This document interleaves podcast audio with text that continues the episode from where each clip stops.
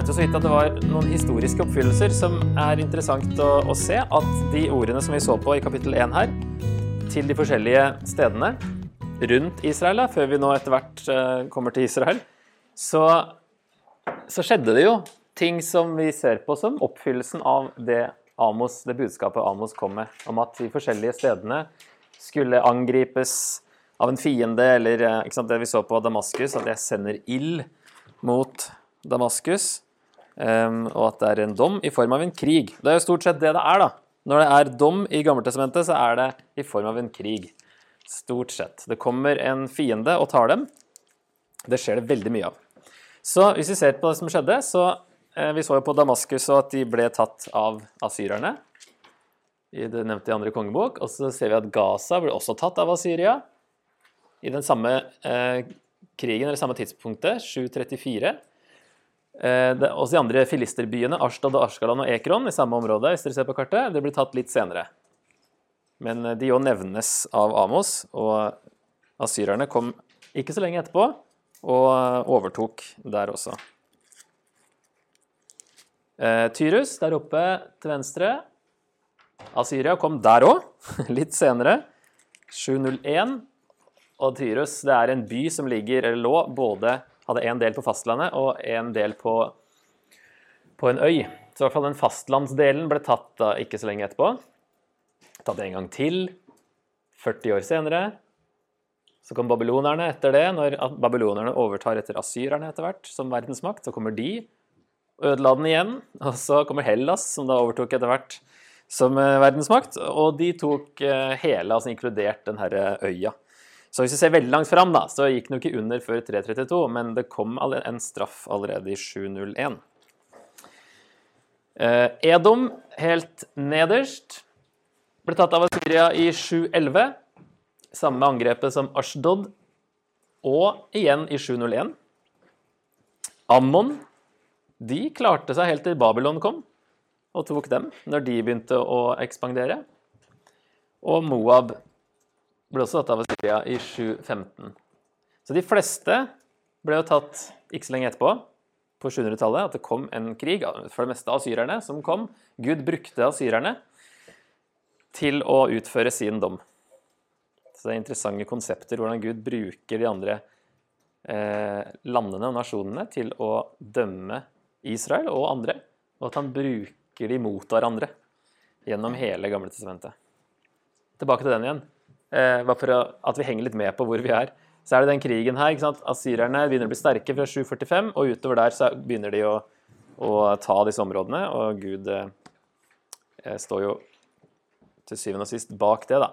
Og så er det 722, som er liksom enden på Nordriket. At da blir de tatt av Asyria. Vi har ikke kommet helt til Nordriket ennå, men det er det som da etter den sirklinga rundt og alle budskapene om at de andre skal straffes for kan kalle det brudd, for, brudd på menneskerettighetene. Så, eh, så, kommer vi nå til Israel etter hvert, og, og, da er det 722 som er det store årstallet. Derfor har jeg skrevet det i stor eh, skrift her. 722 før Kristus. Da er det Nordriket går under, og det er egentlig bare Amos og Hosea som er profeter til Nordriket. Og så går de under, og så er den store neste årstallet er 586 før Kristus. Det er da babylonerne har overtatt, og da kommer de og ødelegger tempelet i Jerusalem og tar Juda i eksil til Babylon. De kommer jo tilbake senere, da, men Nordriket kommer ikke tilbake. Og da ser de andre bøkene her som eh, er skrevet Altså Joel Mika, Mika han eh, overlever for så vidt Nordrikets fall, så han har først i boka eh, budskap til begge. Og på slutten av boka så er det budskap til Sørriket, bare, så vidt jeg husker. Og så er Jesaja, Sefania, Jeremia, Esekiel og Habakuk er til Juda. Og så har vi noen andre etter eksilet. Og så er det noen som er litt annerledes enn det igjen, som ikke er tydelig til Som har noe med de datoene eller årstallene her å gjøre, da. Men det her er veldig viktige årstall for profetene, forstå profetene og hva de advarte mot. Så nå i Amos er det altså 722 som er siste store for Israels del. Altså, Vi får jo litt eh, hint her om at eh, Gud har hinta flere ganger eh, om at de, hadde de holdt seg til loven, så hadde de skjønt. Er kapittel 4, han sier Jeg lot dere være uten mat i munnen i alle byer og uten brød alle steder, men dere vendte ikke om til meg, sier Herren. Så er det masse eksempler. Jeg gjorde det og det. Ifølge Mosloven så betydde det at dere var på tur bort fra meg. Hadde dere lest loven, hadde dere skjønt det. Men dere venter ikke om til meg, men dere venter ikke om til meg, men dere venter ikke om til meg. Det er så mange ganger. Så han har advart dem gjennom de her paktsforbannelsene som vi kommer til. Og så advarer han dem igjen gjennom Amos her, og Hosea og Mika. Um, ok, skal vi ta Juda? Det er eh, det neste nå etter at han har tatt naboene. Så, så Juda er jo den nærmeste naboen, og overraskende at de får et domsord her, da. Tenker eh, kanskje Jeg vet ikke om eh, Juda tenker det, kanskje. Amos har jo gått over grensa til Israel og skal gi dem eh, ord fra Gud, og så kommer det plutselig et ord for, til Juda, der han kom fra. Vers 4 og 5. Ganske kort budskap her. Hva er siktelsen? Hva anklages de for? I teksten. Trenger ikke å filosofere rundt det. Det er observasjon. Foraktet Herrens lov, har jeg skrevet. Det er liksom eh, hovedanklagen. Ok, Og eh, hva er beviset på det, da, som nevnes her? Løgner kan vi jo si som et eh, bevis. Høres jo ganske uskyldig ut i forhold til mye annet her. Men at det er mye som ligger i det at mange slags løgner som har skjedd, og de har fått forakta loven, og så har det blitt ført vill av løgner. Så det spørs, ja. Eh, Løgner som fedrene fulgte, det kan jo være avgudsdyrkelse, det, det, det som, som det betyr her, da. Greit. Eh, dommen, da? Ild, ja. Hva skal ilden gjøre? Fortære. Det samme som Damaskus, er det ikke det? Jeg sender ild eh, mot Hasaels hus. Den skal fortære Ben Hadads borger. For nesten det samme her. Sender ild mot Juda. Den skal fortære Jerusalems borger. Ja, dom av en eller annen eh, form, da, og kanskje i form av en krig. Der det faktisk òg var fysisk ild inkludert. OK? Ehm, oppfyllelse på det, da? Noen som tør å prøve seg? Tror kanskje den eh, er riktig. Av det vi vet. Så skjedde i hvert fall det. Nå er jo det en del senere, men, men Juda også vil, vil få Hvis ikke de er bedre, så vil det samme skje med dem. Men der tar jo Gud eh, holder jo, Han er jo trofast selv om de tas i eksil, så de kommer tilbake. ikke sant? Ikke, det er ikke sånn at Guds plan da slår feil når han dømmer folket som Messias skulle komme fra. Så det går an å da finne en sånn siktelse, en hovedanklage, og så finne eksempler. Avgudsdyrkelse er vel kanskje bedre skrevet, enn å skrive løgner her. Men det går an å forenkle det her enda mer og bare snakke om synd. Så at det lister opp syndene, og så kommer det en dom. Og så er det håpet av og til da, om gjenopprettelse, om frelse.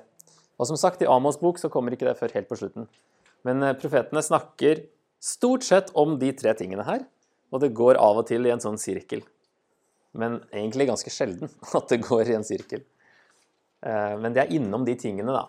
Og det er veldig ofte da eh, ikke sant? En profet var ikke en som fortalte mest om gjenopprettelsen og hva som skulle skje, eller snakka om dommen bare for å vise at han kunne forutsi hva som skulle skje i framtida. Han snakka mest om hva som er gærent i samtida, og så hva som vil følge av at de lever sånn, og hvis de ikke omvender seg. Advarer om dommen. Og så er det håp om frelse hvis de omvender seg, eller på andre siden av dommen. At Gud er trofast likevel, og alle skal ikke dø, eller Messias kommer, eller noe sånt. Det kan være både jordisk eller messiansk. Ehm, Så det kan både være gjenopprettelse, altså i den form at de kommer tilbake fra Babylon når det gjelder Sørriket, og så høres ut som et eller annet fysisk skal skje i slutten av Amos bok, men de kommer jo aldri tilbake. Hvordan tolker vi det da? Og en annen mulighet er jo da at det er messiansk. Ja, i hvert fall sånn uttrykk som 'den dagen på den tiden i de siste dager'. Trenger ikke det alltid å være snakk om Jesus, men uh, ofte er det det. Ok, så det var naboene. Dom over nabofolkene, den første delen her. Eh, Israel skal dere få kikke på. 2.6-16. Hva er siktelsen? Hva er bevisene som viser at de er skyldige? Jeg har slått sammen de, da, så du kan egentlig bare se etter synder, hvis det gjør det enklere. Hva er dommen som kommer på grunn av disse syndene? Ok? Hva er synden, og hva er dommen, for å si det kort? Eh, Så jeg oppsummerte det her som eh, korrupsjon, undertrykking av fattige, seksuell umoral, utakknemlighet overfor Gud, som har redda dem, og ingen respekt for nasireere eller profeter. Nasireer er ikke en nasareer, men det gjøres et ordspill for så vidt av Matteus på akkurat det at Jesus bosatte seg i Nasaret. Fordi eh, eh, Så eh, sier han et eller annet med han skal kalles en nasireer. For det er samme, på hebraisk er det samme konsonanter, og det er jo alt de skrev. De skrev ikke vokalene. Og så er det noe enda dypere kanskje inni der òg, med at det ordet betyr rot og litt forskjellig. Kanskje Davids rot og litt Ja, det er litt sånn Isais rotskudd. Men i hvert fall, det er ikke egentlig det samme som en nasareer, men en nasireer var en som avholdt, eller avla dette nasirerløftet som det står om i fjerde Mosebok, vel? Som da ble satt til side for Gud på en spesiell oppgave, sånn som profetene også ble, men ikke direkte med ord, kanskje. da. Selv om døperen Johannes var, var kanskje begge deler. Han kalles en profet, og han virker som han kanskje var en nazireer også. Ok, dommen, da. Kom dere så langt? Da går vi til vers 13. Etter vi har liksom Det er en lang liste med synder og bevis for at de er skyldige. Ja, det var det som var interessant. Her i denne oversettelsen står det 'Jeg lar grunnen riste under dere', mens i din så sto det 'Jeg trykker dere ned'. Ja, Men eh, det er flere vers utover som òg høres ut som et jordskjelv. Det her er jo et av de ifølge oversettelsen her, da. Men det er andre steder også. Var det noe snakk om jordskjelv i går? To år før jordskjelvet, ja. Så det kan jo være at de tre-fire gangene det nevnes et jordskjelv utover her, så kan det jo være at de da eh, Det kom to år etterpå, eh, og kanskje de ville ha kobla det til det Amos hadde sagt. Og kanskje det var liksom en advarsel der de burde ha skjønt at oi, det var faktisk Gud som sa det gjennom Amos. Eh, Men 'trykke dere ned' er en annen oversettelse. Selv om jeg har skrevet her nå 'grunnen skal riste'. Men hva mer ser vi nedover? I vers 14 og 15 og 16? Hva slags, hva slags bilde får vi der? Her er, her er jo veldig mange paralleller nedover. Den raske, ikke i stand til å flykte. Den sterke kan ikke bruke sin kraft. Helten berger ikke livet. Bueskytteren holder ikke stand. Den som er lett på foten, kommer seg ikke unna, og rytteren berger ikke livet. Den modigste helt skal flykte naken på den dagen. Så eh, det jeg oppsummerte som at grunnen skal riste, da, eller eh, de skal trykkes ned på en eller annen måte. Og ingen vil klare å slippe unna. Eh, oppfyllelse på det Hva tenker vi da om det? Altså kanskje jordskjelvet som en foradvarsel, men selve oppfyllelsen da ingen klarer å slippe unna? Når var det? På tidslinja. 7.22. Da var det asyrerne, da. Trolig asyrernes angrep i 7.22. Eh, Men eh, jeg har tenkt å stoppe opp litt med det her korrupsjon, fordi Vi ser jo det i starten her at Gud Vi forstår liksom det at Gud eh, dømmer eh, At eh, ammonittene skar opp gravide, ikke sant? Det er jo grusomt. Men han dømmer òg for korrupsjon.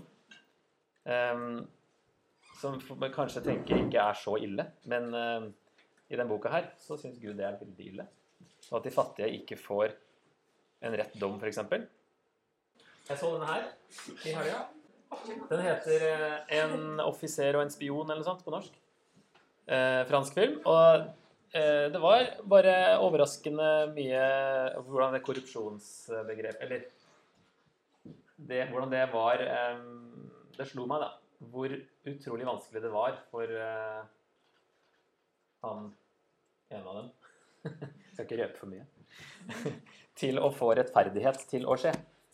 Um, når det var så mange andre Det var ikke så mye snakk om bestikkelser, kanskje, men det var status da, og ære og sånne ting som eh, var viktigere enn at, uh, at rettferdigheten skjedde. Så det, da, det var sånn hm, Det må være en vanvittig vegg å slåss imot hvis du ikke har penger. Og du har ikke sjans til å komme deg noen vei i et system som er korrupt. Der du burde ha fått hjelp, og derfor er Gud så sint på at det her eh, ikke funker. At de fattige ikke får det de har krav på, da, altså, i, altså rettferdighet og blir tråkka ned. Solgt for et par sandaler. Eller det bildet som brukes. Um, noen sitater som jeg fant om korrupsjon.